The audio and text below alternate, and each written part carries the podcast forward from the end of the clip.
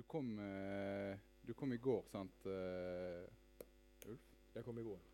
Og da tenkte jeg, Siden vi har en psykoanalytiker her, så tenkte jeg skulle deg hva drømte du om eh, i natt? ja, just det. Mm. Herregud! alltså, du vet, analysen av drömmen gäller ju aldrig själva drömmen utan bara berättelsen om drömmen. Vilket ju gör det då, ger mig fördelen att, att, att hitta på vad jag vill. Så. Men nej, jag är ledsen, jag kommer inte ihåg något. Er det sant? Nej, nej. Jeg trodde kanskje du var opptatt av å føre sånn drømmedagbok. Og Ja, nej, men jag, jag, gick, jag började i psykoanalys själv 1989 eh, och, och gick i psykoanalys till 2005. Eh, och sen så träffade jag fortfarande samma, samma psykoanalytiker. Men nu kallar vi det för handledning, så att vi har träffats i, i 30 år faktiskt. så det är liksom att vi, att, vad heter det, grow old together, kan man säga. Men eh, jag var mycket upptagen av drömmar, eller jag har varit det i perioder. Eh, och det var ett, ett tag så hade jag, hade jag en diktafon som gick på när, når du snakker i søvne? ja, när ljudet, alltså när det var, och så tänkte jag, vem är, alltså vad sä, säger jag någonting intressant i drömmen sen? Men det var liksom bara, det visade sig att jag var någon slags, eh, någon slags eh, gris bara i drömmen. Så jag bara mutt. Det var liksom, det var ingenting av intresse. Jag bara, the animal. Hadde du hva hadde du håp om å finne? Altså, hva, hva, hva var Um, best case scenario, tenkte du? Att du skulle läsa Eh, dikt ja, i Ja, lite ja. ja, ja men jo, och, och, och det får man säga att liksom drömd dikt. Jag menar, Ekelöf pysslar med drömdikt, och, och det är väl alla poeters eh, föreställning också att liksom kunna jag menar, få en, en, den här frasen eller dikten i drömmen. Och jag har ju, jag menar alltså, som förmodar jag många, många författare har jag också penna och papper vid sängen och skriver ner någonting ibland sådär. Men, men i princip är det nästan aldrig bra. Det tycker jag. Er det sant? Ja, nästan aldrig bra. Är det, hur är det för dig? Jeg, ja, jeg gjør akkurat samme. Men jeg synes det, det er de beste men. Kvaliteten jo ikke den samme uansett, på en måte. Men de, de beste tingene jeg skriver, da, det er sånn døsig. ja, det är det. Ja, det. Alltså jag, jag, jag behöver stort material. Alltså jag behöver eh, tusen sidor och då kan jag hitta poesi. Jag kan liksom inte jag kan inte skriva en rad. Altså, du må, du må ligge og døse hele livet, da, så får du et dikt. Ja, ja men det är som en slags, det är som att koka en tomatsås. Man liksom bara reducerar. Stort. det. Ok, veldig bra. Ja, Jeg leser introen min. gör det. Jeg bestemte meg for at jeg var poet, sjøl om jeg ikke kunne skrive dikt. Jeg mangla all tenkelig kompetanse og alt talent, men det skulle ikke forhindre meg. Diktet 'Jeg ville være poet' av Ulf Karl Olov Nil fra Ulf Karl Olov Nilsens bok 'Brukeren' handler om et jeg uten noen talenter som bestemmer seg for å bli poet. Poeten i diktet gjør alt det overfladiske som hører til ved å være poet. Han melder seg inn i forfatterforeninger. Han griner på diktopplesninger. Han griner mer enn noen andre på diktopplesninger. Han starter poesifestivaler og egne forlag. Og han siterer de store poetene som om han skjønner hva de sier. Og på slutten av diktet oppdager han at han, selv om han sjøl aldri har klart å skrive dikt, så er han blitt til et dikt. Det er vanskelig å ikke lese det diktet som en kritikk, og kanskje nesten til og med som en latterliggjøring av poeten som karakter. At han er en som ikke skjønner noe, og som ikke har noe å si, men som allikevel sier noe. Som insisterer på å ta plass. Men dersom det er den fulle og hele meningen med teksten, er det begrensa hvor mye det er å si om den. Men det som gjør teksten interessant, er jo nettopp det at den står skrevet i en bok, skrevet av en poet. Så hvem er det poeten egentlig gjør narr av? Er det han sjøl?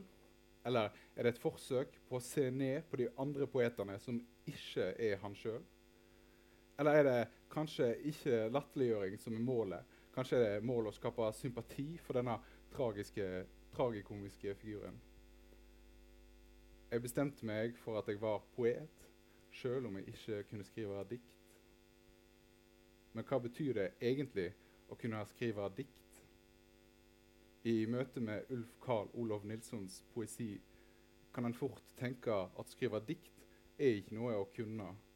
Å skrive dikt handler isteden om å la et dikt oppstå.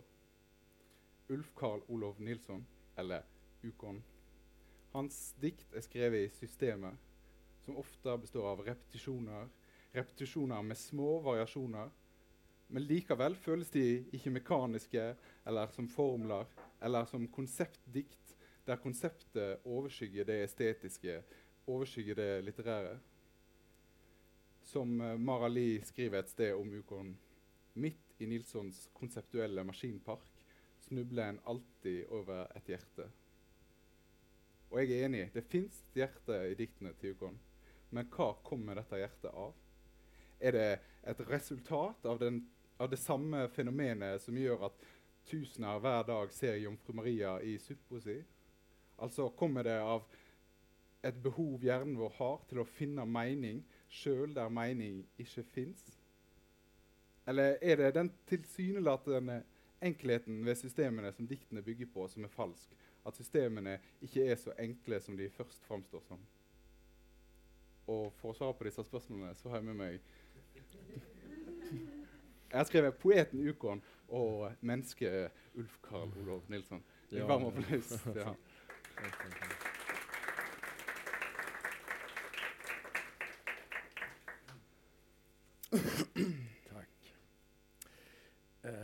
Jag tror jag börjar med att läsa en dikt där. Ja, jag gör det. Så får vi se innan, innan jag svarar.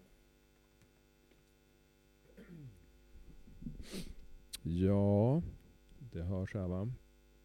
Eh, det här är en födelsedagsdikt till Sven-Erik Lidman, svensk eh, ja, Mark, Karl Marx, den som har skrivit mest och bäst om Karl Marx kan man säga i Sverige. Han fyllde 80 år och den här dikten står i, i senaste numret av Arke. Och den heter då Kapitalismens diskurs. Är det bara jag som känner att någonting saknas? Är det ingen annan än jag som ska diska? Varför är det bara jag som inte får åka hiss? Nej, nu orkar jag inte vara ledsen längre när alla dör. Nej, nu orkar jag inte oroa mig längre. Nej, nu orkar jag inte tala sanning hela tiden. Nej, jag kan helt enkelt inte bjuda in hela världen på min födelsedag. Alla får helt enkelt inte plats. Jag kan ju inte trösta vartenda barn som har skrapat knät. Jag ber om ursäkt för att jag inte vill dö av svält.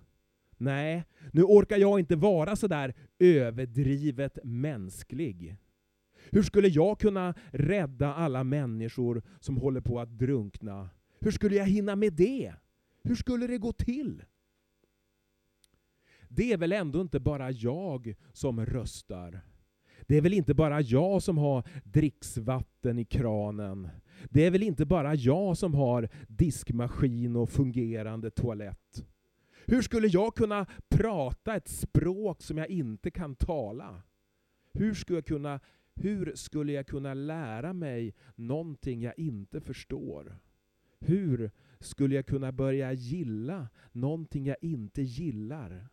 Hur är det möjligt att dansa om man inte kan stegen? Jag är ledsen, men jag avböjer ditt erbjudande om att jag ska ge dig mina pengar. Ledsen, men jag avböjer ditt erbjudande om att du ska ge mig 10 miljoner. Va? Är det bara jag kvar som betalar skatt? Va? Är det ingen annan än jag som ska hålla tal på det här bröllopet? Tyvärr, jag har slutat använda pengar. Tyvärr, jag har bara ett paraply.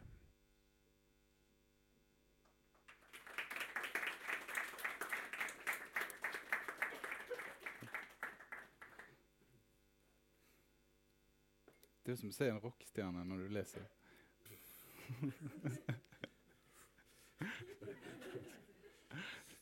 Hvor kommer, hvor kommer denne viljen til å lage show fra, når du leser? Ja, oj vilka... ja, eh, Det gjør jo ethvert dikt Ja. bedre, i hvert fall, når du leser det. Synes ja, eh, ehm, att läsa dikter var, var en plåga länge. Jag var eh, ofattbart nervös och det var obehagligt liksom första gångerna. Sen har jag liksom med åren på något sätt lär, vad ska jag säga, hur, hur, hur nära lidelsen ligger lidandet. Eh, jag kommer fortfarande ihåg en gång, det var i Malmö, kanske 2004. Och så tre, fyra. Och så, det var en stor scen på en teater. Och jag skulle läsa en, en, en lång dikt som heter Det panegyriska. Och så plötsligt helt oförberett så bara märkte jag att jag kunde skrika hur mycket som helst. Och det var, jag vet inte, uppriktigt sagt en, en av mitt, mitt livs vackraste ögonblick. Jag tänkte här, ja, det här kan jag göra. Det här kan jag liksom leva på. Eh, så där, det var någon form av genombrott. Eh, Så du er ikke nervøs nå lenger? nej, det kan jag inte. Jo, ja, är, nej, det är inte så farligt, det kan jag säga. Betydligt mindre. Du, gra gratulerer med å eh, endelig bli oversatt til norsk. Føles, Ja. Føles det? det Ja, litt stort ja. Du har hatt et mindre utvalg før, men nå, nå, Ja. er det, nå foreligger det en, en hel bok eh, Ja. Hvordan ja. føles det? Det ut som eh, Äntligen, jag. ja det Äntligen, var på tiden. Ja. Alltså, eh, nej, men jag har varit jättemycket i Norge. Jättemycket i Norge. På, ni har ju otroligt många poesifestivaler och annat, måste jag säga. jag, har, jag har varit i princip lika mycket i Norge och läst som jag har varit i, i, i Sverige på olika ställen. Eh, Det er veldig mange talentløse poeter som, som må drive med noe. ja, men det är folk också. Är som ni går, ja, titta, kommer folk och ja. Jeg, te jeg, jeg, tenkte egentlig at eh, det kunne fungere som en slags introduksjon, denne samtalen her, til, til, ditt, eh, til deg og ditt forfatterskap. Sånn. Men det, det ser jo egentlig ikke ut som du trenger det i det hele tatt. da. Det, er- det er jo stappfullt med folk her. Men eh, et, et, det er en ting jeg lurer på, da. ja. Og det er ja, det er mer enn én ting, da, for ellers hadde det blitt kort her. Men, ja, men dette med uh, Ukon istedenfor navnet ditt, når oppsto det? Eh, ja, det var liksom... eh, det är liksom för långt helt enkelt att skriva ut hela namnet. Så att i, i, både i, i någon recension vet jag att, att det blev förkortat i Ukon. Och också sen så började jag tänka att jag tänkte att jag liksom kunde börja använda det som ett, ett, ett, en liksom ikon, så att säga, eller som en bild nästan. Eh, Det är också någonting kring, kring namnet, kring, kring Ukon som liksom fungerar också. Man kommer ihåg det, det har många associationer till olika so saker. Ukon är ett japanskt bakfyllemedel som man kan ta. Det är pappan till Hemmeleinen i, i, i um, vad heter det, Kalevala.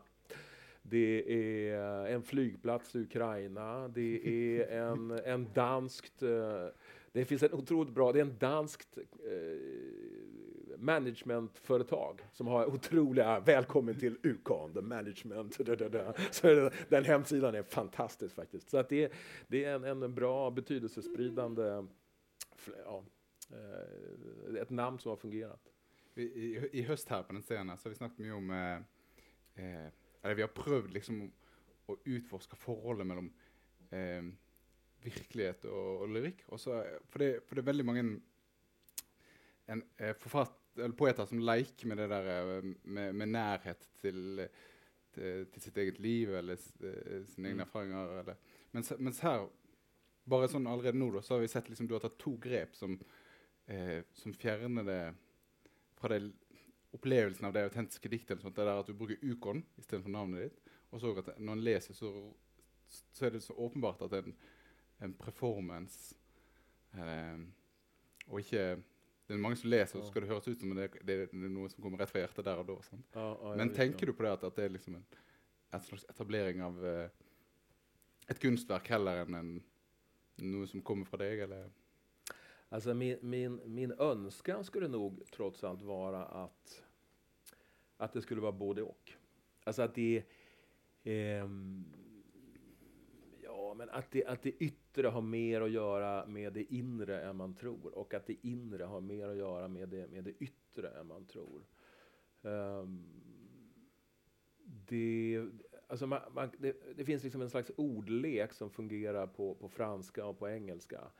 Uh, som, eh, som, eh, eller så här, alltså, min förhoppning är att den, den konceptuella dikten ska liksom möta den existentiella och att den ska vara på något sätt, det ska vara liksom både och. Och detta går att uttrycka med ordleken the subject is the subject. Om man tänker i den existentiella dikten att, att alltså subject kan ju då både översättas till ett jag men också till ett ämne. Mm. Det vill säga, en existentiell dikt så betyder då jaget är ämnet. Jag diktar om mig själv och mitt liv och så vidare. Och i den konceptuella dikten kan man säga att det, liksom, det finns inget jag, utan det är ämnet, the subject, ämnet, som är jaget. Så det är, vilket paradoxalt och märkligt nog på sätt och vis är samma sak. Mm. Det vill säga, det ska både vara the subject is the subject och tvärtom, och likadant, the subject is, is the subject blev det komplicerat. Sorry, alltså. jag tänkte. alltså, det var helt blank. Så. ja, ja, ja. men, eh, men, men du verkar ju... Eh, nej, men, och det, jag menar, som Mara skriver där också, att ja, nej men det... Det, ja, det är väldigt fint sagt det som... Eh, ja, ja, alltså, ja, det, det, finns ett hjärta i dessa... Eh. Och, nej, men jag, jag, tänker också att jag har, att jag har, har avsiktligt och medvetet försökt liksom applicera konceptuella grepp liksom också på, på djupt personliga saker. Jag, menar, jag gör ändå en, en, en, eh, en, en konceptuell dikt av min, min döda pappas dagböcker och liksom klipper det och gör, gör en egen dikt av det. Jag har en dikt som bara består av min sons, eh, min äldste sons första 32 ord. Som är ju, jag tänker liksom att det, det, är, det är konceptuella grepp men liksom ja, mina, mina, båda mina föräldrar dog tidigt och jag, mina föräldrar är liksom med i texterna på, på, på flera olika sätt. Där. Men är det, är, är det något annat när du jobbar med eh, alltså, citater från psykoanalyseböcker än när du jobbar med dessa nära citaten? eller är det liksom arbetet det samma? Mm. Nej, det, nej, men jag tror att det, nej, i så fall är det samma tror jag om jag måste välja. nej, men det, det, det beror ju på. Det krävs ju liksom någon form av blick på, alltså det finns ett material oavsett om det är en sons första ord eller om det är en, en, ett politiskt tal av, av, av Stefan Löfven. Och så sen så har man en slags blick på det och tänker vad i det här har en poetisk kvalitet. Och det arbetet tänker jag liksom är eh, likadant på något sätt. Och att mycket, tror jag, av en, mycket av en, en eh, mycket av poesin som skrivs nu, liksom mindre har att göra med vad psykologin skulle kalla för, för, för evocation, det vill säga att man kommer på någonting. Jag sitter, poeten som sitter på sin kammare och liksom hittar på eller kommer på en dikt utan att det nu snarare är recognition. Det vill säga, det är inte det att jag hittar på en poetisk kvalitet, men jag kan känna igen den när jag ser den. Alltså på, på liknande sätt som en, en, en, en, en DJ liksom, eller musiker arbetar också. Man hör någonting som låter bra, så plockar man in den. Och man, man behöver inte kunna spela instrumenten. Alltså, så, så, så tänker jag att jag har arbetat ofta. Men, men eh, så när du ser att du tränger, du säger att du tränger tusen sidor för att skriva ett uh, dikt, så är det inte nödvändigtvis uh, tusen, du ska skriva tusen sidor själv? För nej, nej, nej, jag gärna. Det är bara det att jag, jag gör aldrig det. Jag har för mycket att göra. du, du är... Fast jag har arbetat så också. Jag skrev, jag skrev en lång, en lång uppsats om, om lobotomi uh, när jag läste till psykologi, läste till psykolog. Och den, den liksom ganska tjocka texten klippte jag ner till, till en diktsamling som heter Någons stöd. Som då, någons stöd och någons död är ju, hörs ju likadant. Mm. Eh, men det är då min, det är min uppsats kan man säga. Om, om. Och, och, och boken Familjeoxymoronen, den, eh, den, jag läste, jag är ju psykolog och jag är psykoterapeut och psykoanalytiker och när jag läste till psykoterapeut, det var två år, eh, så satt jag på otroligt tråkiga, fruktansvärt hemska föreläsningar flera dagar i veckan. Och jag liksom satt och förde, förde det som en slags dubbel bokföring. Alltså förde anteckningar här, men där nere, på nedersidan av blocket, så skrev jag liksom en, en, en dikt som är då eh, familjeoxymoronen. Men, Så men, men så du var, po du var poet för du blev eh, analytiker? Eh, det går parallellt kan Det går man säga. Ja. Eller det, först blev jag psykolog och jag debuterade som poet 1990 och då var jag två år in i eh, psykolog. Jag tänkte vi, vi, vi, eh, i, den här, i den här eh, in, eh, introduction to Ukon som vi håller på med då. Jag, ja, det ja, är ja. greit å s- å sette opp ei, eh, tidslinje. Vi kan prøve, da. Og så- for det, det, det som, som en ikke kommer til å møte på i det utvalget her, det er den, eh, den tidlige den tidlige Ukon. Den, eh, for det, eller det er litt, grann, men det er veldig lite i forhold til, forhold til resten. Ja, ja. Og så, eh, du, og, og, men det en skjønner fort, da, at du ikke var den her Eller jeg har ikke inntrykk av at du var den her konseptuelle systemdikteren som du, som du er blitt. Men hvem var Du var 25 år når du deb- debuterte. Eh, Ja. eh, når du tenker tilbake på, på den debuten din, og hvem du var den gangen Ja.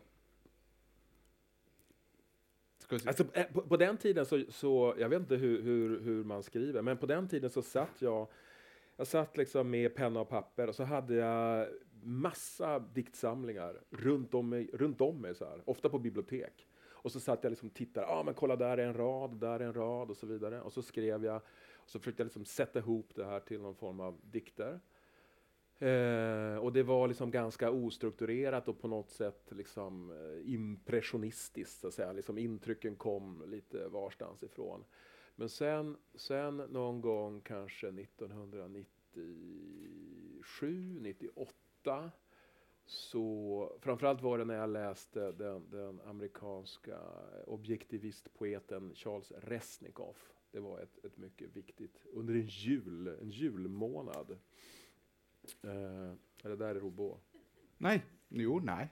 Nej, det är Resnikov, ser du? Du, nå gjorde du meg flau her, altså, men det var. Så här, ja. Nej, men som jag säger, eh, Resnikov som, som, som eh, eh, hade ett enormt material med domstolshandlingar från amerikanska eh, rättsväsendet mellan 1885 till 1915 ungefär och han satt, han, han satt med det här och så kokade han ner det. Han hade en slags metod liksom där han kokade ner detta, de här rättsfallen till små enkla berättelser utan, inte, utan värdeomdömen, utan adjektiv nästan. Det var bara li, den lilla, lilla händelsen.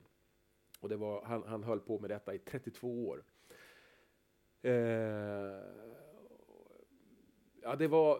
Och det, det är ofattbart mycket våld. Allting, allting slutar ju med död och, och hemska saker. Mord och död och det är liksom järnvägsolyckor och folk som jobbar med såna här spinning Jenny-maskiner och slits in med håret. Bara, bara, och, och, en läkare som sitter och, och dricker te liksom och så slår, slår blixten ner i, i telefonsladden och han brinner upp liksom. Och det, är, det, o, bara våld liksom. Så att jag, var, jag, var, det var, jag skrattar nu men det var, det var, det var ett o, mycket, mycket obehaglig läsning.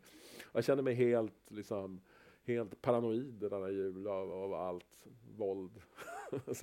Men, men eh, sen, sen, och då tänkte jag att jag skulle liksom systematisera jag, jag förstod helt enkelt att man kan, man kan göra så. Man kan ta ett stort material som Resnikov. Andra saker. Man kan ta svenska kungahusets eh, hemsida och, och göra en dikt av deras saker. Eller vad som helst. Men, det var, det var eh, ikke eh, Resnikovs eh, dikt, men hans metode som du falt for, rett og slett? da? Ja, egentligen både och får jag nog ändå säga. Men, men, men eh, ja, det kan man. Ja. For, Ja. for i det greiene som han holder på med, så fins det jo absolutt eh, et hjerte, da, hvis en skal forholde seg til den. Ja. Men, det, det- men det er kanskje enda tydeligere når en holder på med Den her er jo eh, om Den heter 'Forintelsen', altså holocaust på norsk. da. Eh, når en holder på med disse her historiene om vold og Mm. mens, mens du ja, Sånn som når du leser noe, så, så gjør du det fort, og så, og så gjør du det ikke om til at det står bare en voldshandling igjen, men at det er noe morsomt som Ja. står igjen. Nå, nå, bare, altså ja, Hva var spørsmålet? Ja, ja jo, men spörsmålet är så Ja, här. spørsmålet? liksom, alltså det, det är att det är liksom en förskjutning av, alltså att det, det är, eh, liksom, om, om någonting är menar, ett domstolsmaterial, om Resnikov arbetar antingen med Nürnbergrättegångarna eller med, For det så är det en slags förskjutning då till, alltså någonting som åtminstone potentiellt kan vara komiskt. Ja, for det, for det er vel der spørsmålet ligger. Altså, for det er Mm. kanskje mer åpenbart når en, når en ser det gjort på den type materiale som han Ja. jobber med, Ja. enn altså, hjemmesidene til det svenske kongehuset. Ja, Men, men det finns ett hjärta där också. Ja, ja, det, ja syns du det? Ja. Altså, du kunne gjort det på uansett hva materiale. Det er det som er din eh, Ja. inngang til det. Alltså det, måste, det, det är ju problemet egentligen med konceptuell dikt också. Att, att, eh, alltså man skulle kunna göra det med vad som helst, men, men 99 procent av, av, av, av 90 99 procent av alla de konceptuella dikter man skriver blir liksom inte bra. Alltså det måste finnas något som är bärande i idén som gör det till mer än bara idé.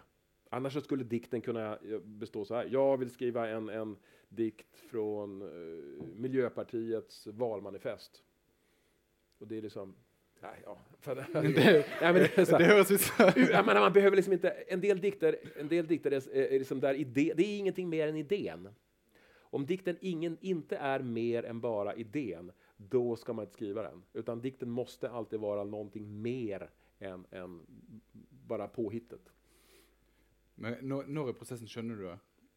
Om, du har, om, om ideen blir et dikt, eller om ideen Ja. bare er levedyktig som idé? For det er sikkert mange gode ideer òg som ikke blir Ja, absolut. Ja. Nej, och det är ju svårt. Eh, och jag kan nog tänka mig, jag menar, det finns en del dikter som jag inte tycker håller eh, i mina diktsamlingar också. Jag skulle gärna redigera dem. Och vilket jag har gjort också i den. Jag har liksom när Monica Åsprång översatte så tänkte jag ta bort det där. Och liksom, nej, nej, nej, nej, nej så här. Jag får skriva om dikten. Så att, att på flera dikter är liksom inte, det är liksom inte originalet. Och, jag, och mina, eh, jag vet inte, jag tänker att, att det inte är, dikterna är liksom mer organiska än liksom färdiga ting så att säga. De, de kan förändra sig. Men, du, jo- men, du, men eh, vi, vi forsvant jo helt ut av tidslinja vår her. Ja, men jag måste säga, apropå tidslinjen. Ja, Jo, den er ikke så viktig. jo, jo, jo, ja, men det här kommer att, göra det tydligt. När, när, när Nixon och, och Zhou Enlai, när, när Nixon åkte till Kina 1972 och träffade Zhou Enlai, eh, den, den kinesiska partiledaren då, eh, då fick Zhou Enlai frågan så här. Vad anser ni om den franska revolutionen? Och Zhou Enlai, han la pannan i djupa veck, tänkte länge och så svarade han det är för tidigt att säga. så att det är detsamma skulle jag säga om mina egna, om mina egna dikter. Det man vet ibland, det, ibland måste det ta mycket lång tid. mycket lång tid. Men, men, men eh, hvis du, jeg syns det var veldig interessant det du sa med at du, du satt og så tok setninger fra andre men, men du tenkte ikke da, før du hadde lest Resnikov, at, at, Nei. at, du, at du jobbet med collage, eller Du tenkte at du var den, som du sa, den poeten som, som eh, finner på diktet der og da? Ja, ja, i princip ja. Det skulle jag säga. Jag menar, och allt var inte... Alltså det var mer... Den samlade ihop ett grundmaterial av text. Bra, potentiellt bra meningar, sättningar. Och så sen så bestod poesiarbetet av att liksom skulptera det här på något sätt och flytta till det som passade. Liksom. Det, det, for det, det er grunnen til at det er litt interessant. eh, det jo, vi hadde nettopp en, eh, eller I år tidligere hadde vi en plagiatsak med en norsk poet som måtte trekke alle diktsamlingene sine. Nettopp ja. fordi hun hadde gjort det der. Og så ble det oppdaga at det var setninger fra andre sine sine dikt. Og da var det jo selvfølgelig ikke oppgitt noe sted at hun hadde tatt de herfra det Nej, nej, nej. Men, men eh, Ja, ja, i så fall det- får de, i så fall får de bränna alla mina böcker. Det är, Ja, att- for det, tenker du at Jo, det jo. er plagiat? Ikke nødvendigvis dette som Nei. konseptuelle, men der, der du ikke sjøl kanskje var bevisst på det konseptuelle ved det. eller... Ja, jo, jo, men eh, men jag tänker att alltså, det beror ju på hur, alltså om man, om man anlägger det som en, som en avsiktlig poetisk metod så är det ju någonting annat än om man liksom, jag vet inte, vad ska man säga, om man gör det, om man gör det omedvetet av en, en, en poetisk avsikt. Det fanns, det fanns faktiskt i Sverige också en, en, en romanförfattare som blev anklagad i en recension att han hade stulit några rader av, jag tror att det var Virginia Woolf. Eh, och då skrev han, och det kanske var menar, fem rader, identiska rader, men då skrev han då ett svar och sa att alla rader i hela romanen är stulna från eh, världslitteraturen. Så han hade, han hade, inte, liksom, han hade inte skrivit en enda rad själv. Och ja, på äkta, på äkta det var inte... Ja, det var, det var hela, hela verket var så att säga Ja. ett, ett, ett, Som bara väntar på att det skulle bli uppdagat? Ja, det kan man väl säga. Ja, precis. Vad heter han? Eh, Kastner heter han. Kastner. Ja, Vi gick uppdaga romaner här. ja men han, han, eh, han, han, har gjort, han gjorde för övrigt en väldigt fin bok om eh, senatspresident Schreber.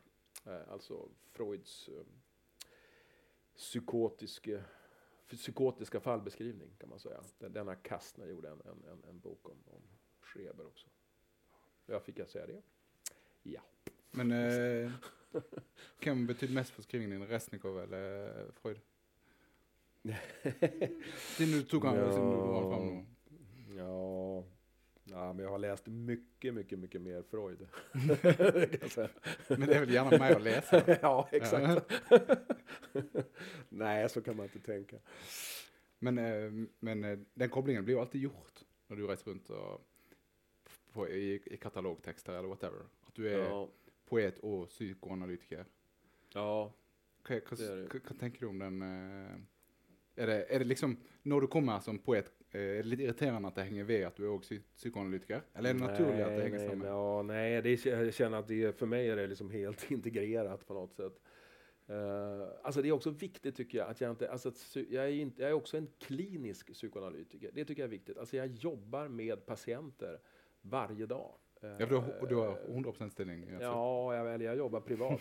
ja, ja, ja, ja, nej, men jag träffar patienter varje dag. Och att det ändå, ja men det är liksom det jag gör. Jag pratar med människor. Eh, och så sen så hinner jag, hinner jag läsa och skriva eh, ibland också. Men, men att det är ändå, ja jag vet inte. Ja, men att, att liksom det, att, alltså dels är det ju, dels är det ju jag menar, i, ett, i ett psykoterapeutiskt möte så är det ju liksom någon form av försök att förstå någon annan människa, jag menar, inte minst genom just det språk som förmedlas och, och flertydigheter i det. Eh, men att, att, också att det finns, jag menar, på något slags mänskligt sätt ett, ett, ett eh, ja, ett, ett, ett, ett, ett, mänskligt arbete med språket. Men, men ser du till patienten nu när de kommer in och lurar på om de ska gå till dig eller någon annan att, att du är poet i tillägg till... Eh, Eh, Jag tror faktiskt nästan alla vet att jag är poet, men ehm, eh, nej, det skulle jag inte säga. men alltså, men det, det, sen tror jag att alla, alla patienter tror jag också har en slags eh, inre önskan om att, om att man ska skriva deras fallbeskrivning. nej, tror du det? Tror du inte det? nej, jag vet. Ganska många. Gör du det? Ja, men ganska mycket med är ju, eh, är ju, är ju på olika sätt. Eh, alltså jag skulle inte säga att jag, jag, jag stjäl hela fullständiga fraser. Men om det är en intressant, jag menar på samma sätt som man läser litteratur, om det är en intressant eh, användning av ett ord som är nytt eller en, eller en, en fras, att man då liksom kan använda den frasen och byta ut verbet eller byta ut ett pronomen eller sätta in det liksom, eller eh, ändra tempus. Alltså man har det som ett slags grundmaterial och, och vrider till det på något sätt. Utan Ja. att, och ibland kan ju patienten själv liksom känna igen det. Ibland har jag sagt det också, att det här, det här är bra, det här, kommer jag, det här kommer jag ta i en dikt. Och då brukar folk säga bara, oj, varsågod. Men, men eh, jag menar, för det mesta tycker jag inte att det är nödvändigt. Men några gånger har jag gjort det. Men, men eh, kan du, är, det, är det möjligt att säga liksom om, om vad det har betytt? Eh, Hvis vi deler i to, da, med, med det å liksom ha studert hvis vi tar først, ha studert og ha fagene psykologi og, og psykoanalytisk teori alt det. Hva, Er det mulig å si noe om hva det har betydd for, eh, for deg som poet? Ja, ja, Fordi at når du, sånn som du fortalte det i sted, så er det, var det veldig på resten, altså konseptdiktet og sånn. Da Ja. forsvinner jo kanskje då er det liksom litt sånn kanskje som om eh, Freud forsvinner og heller genomstår i lesningen. Eller, men, men bruker du det aktivt inn i Kan du si noe om det? Alltså, för, jag, jag, jag tror också att alltså, men det finns delar av, av en freudiansk läsning som man definitivt skulle kunna läsa som liksom, konceptuell också. Jag har ju, jag har ju en, en, ett parti i, i en essäsamling som heter Glömskans bibliotek där man kan ändå tänka att delar av, av, av Freuds arbete med drömmar, drömtydning, går att likna vid katap-teknik. Det vill säga att patienten inte förstår drömmen i sin helhet. Då säger Freud det, ja, men we have to cut it up in pieces. Då kommer man att förstå. Alltså det är så man arbetar. Man tar en liten bit av drömmen och så associerar man kring, kring den delen. Så att det, också Freud går att använda konceptuellt. Jag menar, konceptuellt är ju, hela den idén är ju, eller hela föreställningen om det konceptuella, det är ju att det är olika idéer som, som man kan använda som maskiner eller motorer liksom, som hjälper en att skriva. Och det är klart att, att liksom också eh, psykoanalysen skulle kunna sägas vara en slags eh, tankemotor. Det finns olika spår där som går igen som man kan liksom slänga in en, en dröm och så sen så blir det någonting med det. Og, og hva med dette Gud vad med pratar, herregud. ja, nei, men det er. Så- Men hva med dette med pasienter? Altså, hva det betydde? Har du noen, har eh, Bra anekdoter. Ja, ja, ja. Verste. Nej, ja. Vad var frågan?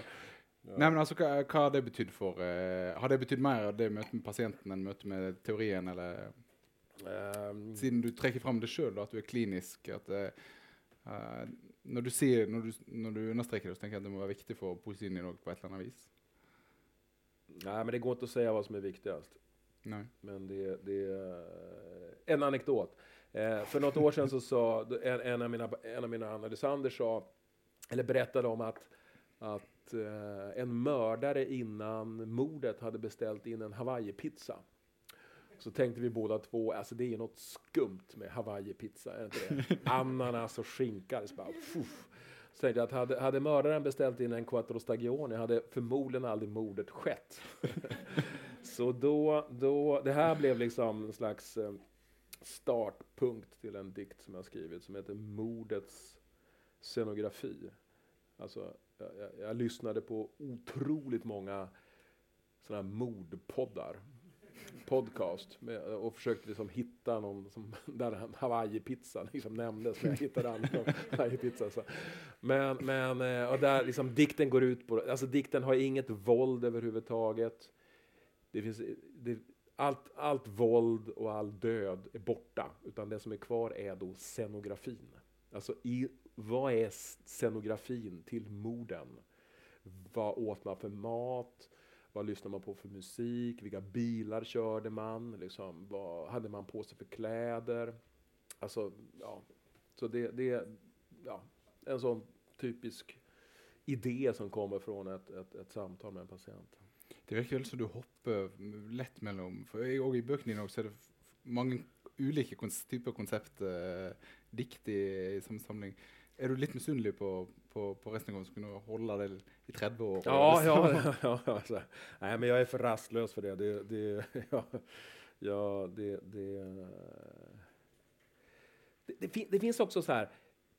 Jag skulle säga att, att idealet, eller nu är jag mer, nu är jag liksom mer blygsam, men ett tag så hade jag som ideal inte att skriva en ny dikt, utan idealet skulle vara att skriva en ny genre. Så här, varje dikt det var en ny genre. Någonting som liksom ingen annan hade kommit på tidigare. Så här, men här, så här kan man göra. Syns du det gikk? Ja, men jag tycker ändå jag har gjort ganska många genrer. Så. Du har oppfunnet ganske mange? Ja, ja, några stycken. Det, eh, han poeten som du skriver om i det diktet som jag refererade till i, i inledningen min. Har Ja. du sympati för honom eller? Eh, ja, det, det har jag ju. Alltså det är någon form av liksom hatkärlek mot, mot jag menar, både poesin och mot, ja, varför inte poeterna också, och poeten i mig själv liksom. Eh, jag kan tycka att det är, jag vet inte, när jag, när jag talar med poeter att det är, det är skönt att jag har ett, ett normalt jobb. Så att säga. Å andra sidan kan jag sitta med, med 15 psykologer och tänka, gud vad skönt att jag inte bara har ett normalt jobb. Så att liksom alltid kunna flytta sig, liksom vara någon annanstans. Ehm, men det är klart att det är, alltså det, ja. Nej men det, det, det är en, en, en jag, jag tror också att mycket av poesi, uh, alltså den poet som bara på något enkelt sätt liksom älskar poesi. Det tror jag är en sämre förutsättning än om man har liksom ett slags tvivel på sig själv som poet och som, som, på poesin som form också. Det är något, något obehagligt och konstigt i det här att, att på något tycka liksom att, att litteratur och att poesi skulle vara så fantastiskt bra. Liksom. Eh, det, det tror jag inte att det är. Och jag tror att det, det ja, man också det, att poesi har lett till mycket sorg och elände. Ja, men jag tänker hur många drömmar om, om, om att skriva någonting bra som, som eh, ja, jag vet inte, som, som aldrig in, infinner sig. Ja, men det gäller mig själv också, att, att man tänker det som att man tänker så här, åh, nu ska jag skriva liksom, det där är liksom det bästa liksom. Så blir det aldrig det. Jag ska jobba, jag ska jobba, jag ska skriva världens bästa dikt. Men, men vill du sagt att det är det som är drivkraften din i skrivningen? Att det där är idealdiktet? Ja, det är att skriva världens sämsta dikt. Nej, ja, nej, men det, jag, ja, ibland är det det. Nej, men det kan vara, det kan vara olika saker. Men det finns ju inte som elsker å skrive dikt. Det er jo en stråmann der. ikke det? En gång till. Det finns ju ingen av poetene som elsker alt det de gjør på. Nej, jag tror inte det. Jeg, jeg har i hvert fall aldri møtt dem. Nej, kanske. Det, Nej. tror du det noe terapeutisk i å, å- å skrive dikt? Ja och nej. Eh, Ska vi ta ja först? Så, Ja, yes. ja, det är klart att man kan liksom bearbeta sig själv och, och sitt språk och finna eh, mer, vad ska man säga, ett värdigt sätt att tala om sig själv om man, eh, i, i poesi. Jag, jag tror också att det finns något läkande och helande i att antingen i mötet med papper och penna och i en dikt liksom skriva om sig själv eller vad som helst, alltså på ett värdigt sätt som man är stolt över. Det, att det estetiska i själva verket har en slags eh, läkande funktion. Å andra sidan så tänker jag att, att alla de gånger som man har försökt skriva dikter och det blir dåligt eh, och man känner sig helt förtvivlad över att man inte kommer på någonting eller det går inte och så vidare. Att det, det är ju ehm, jag menar, om, det, om det håller på för länge så är det, en- är det såklart någonting destruktivt i det. men du, du anbefaler aldri pasientene dine å Nej, skrive dikt? nej. Men det, men Jag rekommenderade Ida Börjel att hon skulle bli eh, arbetsterapeut. Som tur så tyckte hon aldrig i livet. Tyckte det var ett bra jobb. Hon är inte min patient. Det var bara ett, ett, Du, om vi går tilbake til tidslinjen, så Ja. prøver jeg å lage det. Når, når, etter du hadde lest uh, det bare liksom Kan du huske det første konseptdiktet som du fikk til? Eller det første du prøvde å anvende hans metode? Og, Mm, ja, men det var nog eh, Det var nog i min diktsamling som kommer 2002 som heter Stammar. Där jag, jag hade min pappas dagböcker. Min pappa han dog 1984. Han blev döv när jag var fyra år gammal och han, han var bibliotekarie. Och han skrev dagbok under hela 70-talet, alltså ja, 69 till 80. Och så sen så gjorde han ett uppehåll och så gjorde han sin sista dagbok 1984 som var samma år som han dog. Och så hade jag de här dagböckerna hemma, jag hade aldrig läst dem. Jag tänkte nu ska jag, nu ska jag läsa dem. Och så under tiden gick jag i psykoanalys, pratade jag om, vad, om de här böckerna. Det tog ett halvår kanske. Uh, och så läste jag ett år. Så, här, så plockade jag ut fraser ur det. Och det var nog egentligen det var, det var ett stort arbete, det tog lång tid. Och, och det var nog den första gången som, som uh, denna Resnikovska metod användes. Men det, det, är nog intressant där. Eh, med, med at han, begynt, han slutta å skrive, så tok han opp igjen siste året. sant? Det, ja. Nett som du sier, det är nog det där destruktiva òg med, med, att skriva. Ja, fast det, jag tror att det berodde nog på att han förstod att han, att han skulle dö. Ja. Så att det var, eh, han började skriva igen när han, han jag vet inte. Han, ja. Ja, han, hans... men, men, men, men jeg merker det er så lett å, å, å, å slutte tidslinja mi der, da. For det var der liksom, jeg tenkte fram til stemmer så är, så är den utvecklingen från den här famlingen till, ja. till att finna har du varit densamme sedan 2002? Jag och, eh, kanske, vad följer du själv liksom den utvecklingen efter okay. 2002? Eh, eh, har, du, har du, du har prövat om igen om igen sedan 2002 att finna upp en ny genre? Uh, nej, men sen eh, från 2002 till 2008 så gick det otroligt lätt att skriva dikter. Jag skrev jättemycket, det gick jättelätt. Men sen gick det inte rätt. Uh, och varför vet jag inte. Och sen hade jag liksom på min hårddisk kan man säga två två, tre diktsamlingar som var så här halv eh, och som jag liksom gjorde klart. Och den senaste diktsamlingen var, det var ju den här som heter Brukaren som kom 2011. Och då kunde jag inte skriva dikter längre tyckte jag. Så då skrev jag en roman istället som ju är någon slags diktsamling fast i romanformen måste jag säga en ex mycket experimentell roman om Henrik den åttonde. Det tog mig fyra år att skriva. det var ett stort arbete. Men den skrev jag också för att jag inte kunde skriva dikt. Eh, och sen skrev jag två essäsamlingar. Men nu skriver jag lite dikt. Du kan skriva dikt igen då? Ja, det går väldigt... Det, det, är som så här, det är ett hårt tryck. ett hårt tryck. Eh, tidigare så var det inget tryck, det var liksom bara så, men nu, det tar lång tid och det, jag kommer inte på någonting. Ja, men ibland. Du kan ju bara kanske skriva i de genrerna som finns redan och inte. ja. Nej, men det är något tröstlöst också med, med liksom en, om, man, om man tänker att man är konceptuell poet, att man ändå måste, jag vet inte, det kräver ändå något slags nytt, någonting nytt i det hela.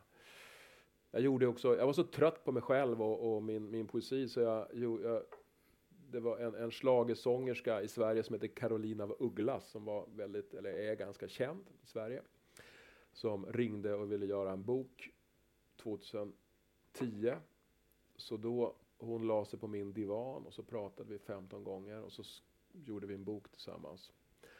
Som ju då var också ett sätt att förstöra mitt, mitt finkulturella rykte. Men också ett sätt att, att, att liksom snika in Eh, eh, eh, den konceptuella poesin och psykoanalysen rakt in i Eurovision Song Contest. Så att det var enda gången jag tjänade pengar. är det, det, för det är mer pengar i psykoanalys än det är i poesi? Eller? Ja, det är mer pengar i Eurovision Song Contest. jag noterar mig. Okej, okay, vi, vi är faktiskt vid. Jeg lurte på om du ville lese noe til oss til slutt? Ja, ja. Och så må jag bara säga det medan du gör det klart, så kan att eh, den norske norska utgaven av utgåvan den är till salgs här och så har vi också en del eh, svenska böcker. Ja. Eh, så köp böcker, få de signert, allt det her. Lurkslången är over for i år, vi har inte fler arrangemang i år, men vi har ett uh, arrangemang 4 december där vi ska oppsummere uh, poesiåret uh, 2019. Til. Så da skal vi snakke om de beste og de verste diktsamlingene som har kommet i år. Uh, den eh, neste uke, 4. desember. Ja. Så eh, uh, scenen din, Ulf. Underbart. Då ska vi se. Det här hörs. Ja. Den här dikten skrev jag faktiskt färdigt idag, så att jag får väl läsa den då. Jag tänkte läsa två dikter. Det tar, det tar nog åtta minuter. Hinner jag det eller? Okej. Okay. Ja, jag vet inte, folk tar tomt i glasen. Så vill, ja. Okej, okay. två dikter. Snabbt ska jag läsa dem. Eh, centralitetsteorin. Mitt i samhället befann sig skolan. Det var där skolan skulle vara. Skolan var mitt i samhället. Mitt i samhället befann sig polisen. Det var där polisen skulle vara. Polisen och skolan var mitt i samhället. Mitt i samhället befann sig näringslivet och sjukvården. Det var där de skulle vara. Näringslivet och sjukvården och polisen och skolan var mitt i samhället, bland folket och medborgarna. I samhället fanns också kollektivtrafik, sophämtning och meningen med livet. I samhället fanns vattenförsörjning och kulturinstitutionerna. Och de ville vara ännu mer närvarande, verkligen exakt mitt i. Också försvaret ville vara ännu mer närvarande i samhället. De ville synas och höras mer och bli tagna på allvar. Och försvaret framhöll därför vikten av försvar. Även brandkåren ville vara mer mitt i samhället. Och eftersom brandkåren var väldigt rädd för eld argumenterade brandkåren för mer resurser mot bränder. Universitetet steg fram och framhöll vikten av universitetet. Kyrkan höjde sin röst och argumenterade för vikten av kyrkor. Kulturinstitutionerna månade istället om kultur och underströk betydelsen av kulturinstitutioner. Tullverket kämpade mot smuggling och ville därför ha långsiktiga och omfattande gränstullsmugglingskontrollresurshöjningar.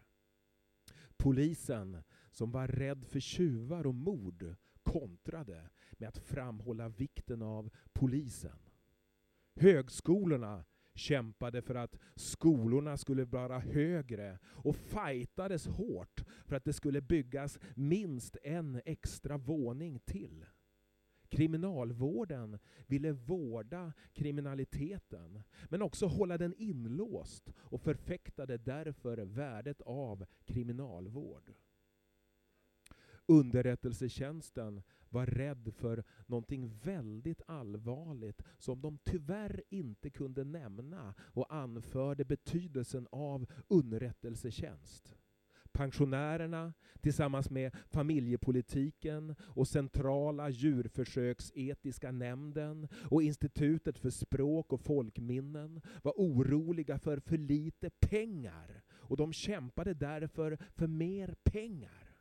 Men allra mest för för lite pengar var näringslivet som kämpade för pengar. Men inte vilka pengar som helst, utan värdeskapande och nedsipprande pengar. Mitt i samhället befann sig psykosvården, sprutbytesmottagningen och granskningsnämnden. Det var där de ville vara som en spegelbild av samhället, en inkluderande kraft tillsammans med Migrationsverket och Föreningen för aktiv konkretisering, tillsammans med Försäkringskassan, Socialstyrelsen och två eller tre konservburkar tillsammans med Gentekniknämnden och Kärnavfallsfonden, Tankesmedjan Fadersälskarna och Tryckutjämningsförordningen. Vi behöver vara den förändring samhället... Förlåt. Vi behöver vara den förändring vi vill se i samhället. Vi behöver vara oss själva. Vi behövs. Vi behöver oss.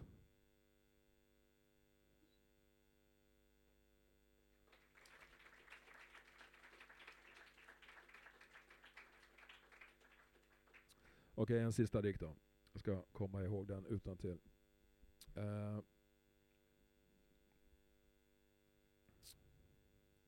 När man fyller 50 får man vara glad om man får leva ett enda decennium till. Och när man är 60, då får man vara glad om man får leva ett år till. Och när man blir 70, då får man vara glad för en enda månad. Och när man blir 80 80 får man vara glad för en vecka. Och när man blir 90 får man vara glad för en dag. Och när man blir 100 får man vara glad för en timme. Och när man blir 110 får man vara glad för en minut. Och när man blir 120 får man vara glad för en sekund. Och när man blir 130 får man vara glad för en tiondel sekund. Och när man blir 140 får man vara glad för en hundradel sekund. Och när man blir 150 får man vara glad för en tusendel sekund. Och när man blir 160 får man vara glad för en miljondel sekund. Och när man blir 170 får man vara glad för en nanosekund. Och när man blir 180 får man vara glad för en halv nanosekund. Och när man blir 190 får man vara glad för en tredjedels nanosekund. Och när man blir 200 då får man vara glad hela tiden!